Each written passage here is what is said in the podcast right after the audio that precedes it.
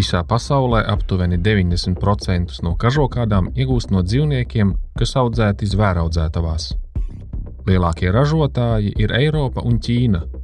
Kažokādu iegūšanai audzē un vēlāk nogalina tādus dzīvniekus kā ūdeles, lapsas un jenotsuņus.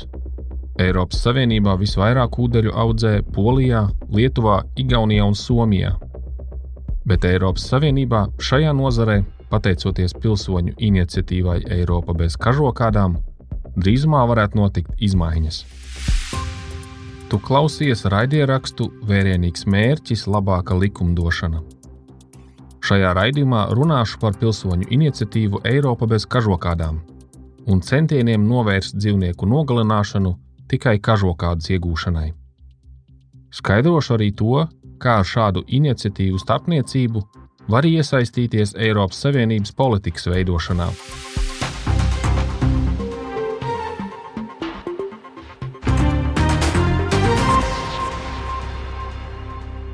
Pēdējos gados kažokādu ražošanā ir jūtams ievērojams kritums. Tam ir vairāki iemesli. Viens no galvenajiem ir cilvēku informētība par dzīvnieku labturību. Aizvien biežāk dzirdam par krātiņos audzētiem un nomocītiem dzīvniekiem. Papildu ētiskiem apsvērumiem kažokādu ražošanas nozarei ir arī negatīva ietekme uz vidi, ko rada ķīmiskais piesārņojums un dzīvnieku izcelsmes atkritumi. Bāžas rada arī ietekme uz cilvēku veselību. Piemēram, Covid-19 pandēmijas laikā Ūdeņu audzētavās konstatēja ļoti daudz saslimšanas gadījumu. Vairākās Eiropas Savienības valstīs ir dokumentēti gadījumi, kad vīruss no cilvēkiem tika pārnests uz ūdelēm un pēc tam atkal uz cilvēkiem. Tas nozīmē, ka audzētavās esošās ūdeles varēja kļūt par pastāvīgu vīrusa izplatības avotu.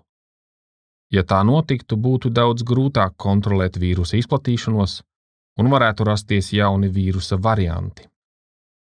Veselības apdraudējumi, ētiskie apsvērumi un negatīvā ietekme uz vidi. Šie ir galvenie iemesli, kāpēc sabiedrības viedoklis par kažokzvēru audzēšanu ir mainījies. Tieši tāpēc 14 Eiropas Savienības valstis to jau ir aizliegušas vai pieņēmušas stingrākus noteikumus. Iniciatīva Eiropa bez kažokādām ir saistīta ar šīm pārmaiņām, jo tās mērķis ir visā Eiropas Savienībā pilnībā aizliegt dzīvnieku audzēšanu un nogalināšanu kažokādas iegūšanai. Organizatori arī vēlas panākt, lai savienības tirgū kažokādas un tās izstrādājumi vispār nebūtu pieejami. Šo iniciatīvu ir parakstījuši vairāk nekā 1,5 miljonu cilvēku no visām Savienības valstīm. Un tas ir devis organizatoriem iespēju diskutēt par šo jautājumu atklātā uzklausīšanā Eiropas parlamentā.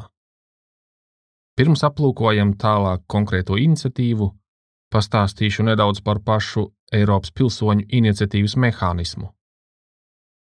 To 2009. gadā izveidoja ar Lisabonas līgumu, un tas dod Savienības pilsoņiem lielāku ietekmi uz Savienības politiku. Kā tad šis mehānisms darbojas? Runājot pavisam vienkārši, ja kādu ideju atbalsta vismaz viens miljons pilsoņu no ceturtās daļas Savienības dalību valstu, tad organizētāji var lūgt Eiropas komisijai par to ierosināt tiesību aktu.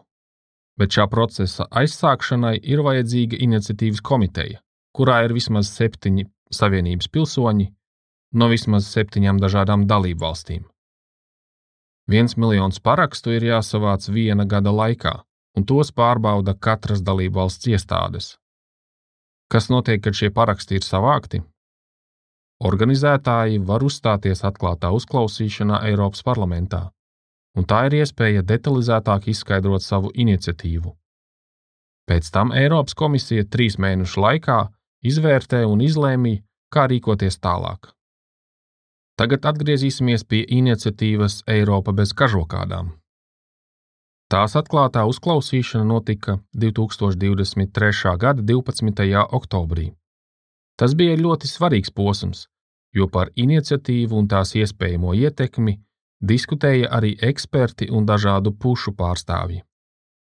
Šajā uzklausīšanā Eiropas komisijas priekšsēdētājas vietniece Vera Jurova apsveica iniciatīvas organizētājus par izdarīto un uzsvēra, ka pilsoņu iesaistīšanās demokrātiskajos procesos ir ļoti nozīmīga.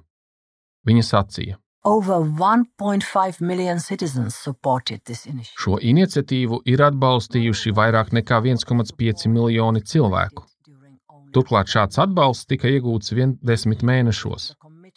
Tas apliecina daudzo Savienības iedzīvotāju apņemšanos aizstāvēt savas idejas un panākt reālu ietekmi.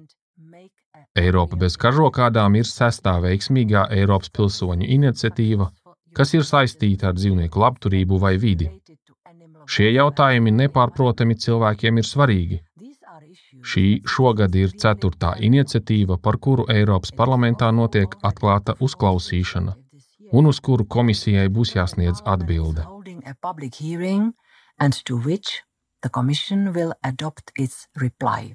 Pēc uzklausīšanas parlamenta 2023. gada oktobra plenārsesijā par šo iniciatīvu notika debates. Tagad jāgaida Eiropas komisijas lēmums par turpmāko rīcību. Šā procesa beigās var tikt pieņemti jauni Eiropas Savienības noteikumi, kas vēlreiz apliecinās, ka Eiropas pilsoņu iniciatīvas ir svarīgas, lai aizsāktu pārmaiņas.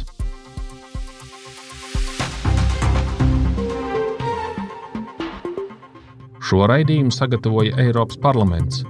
Vairāk informācijas var atrast Eiropas parlamenta Think Tank tīmekļa vietnē.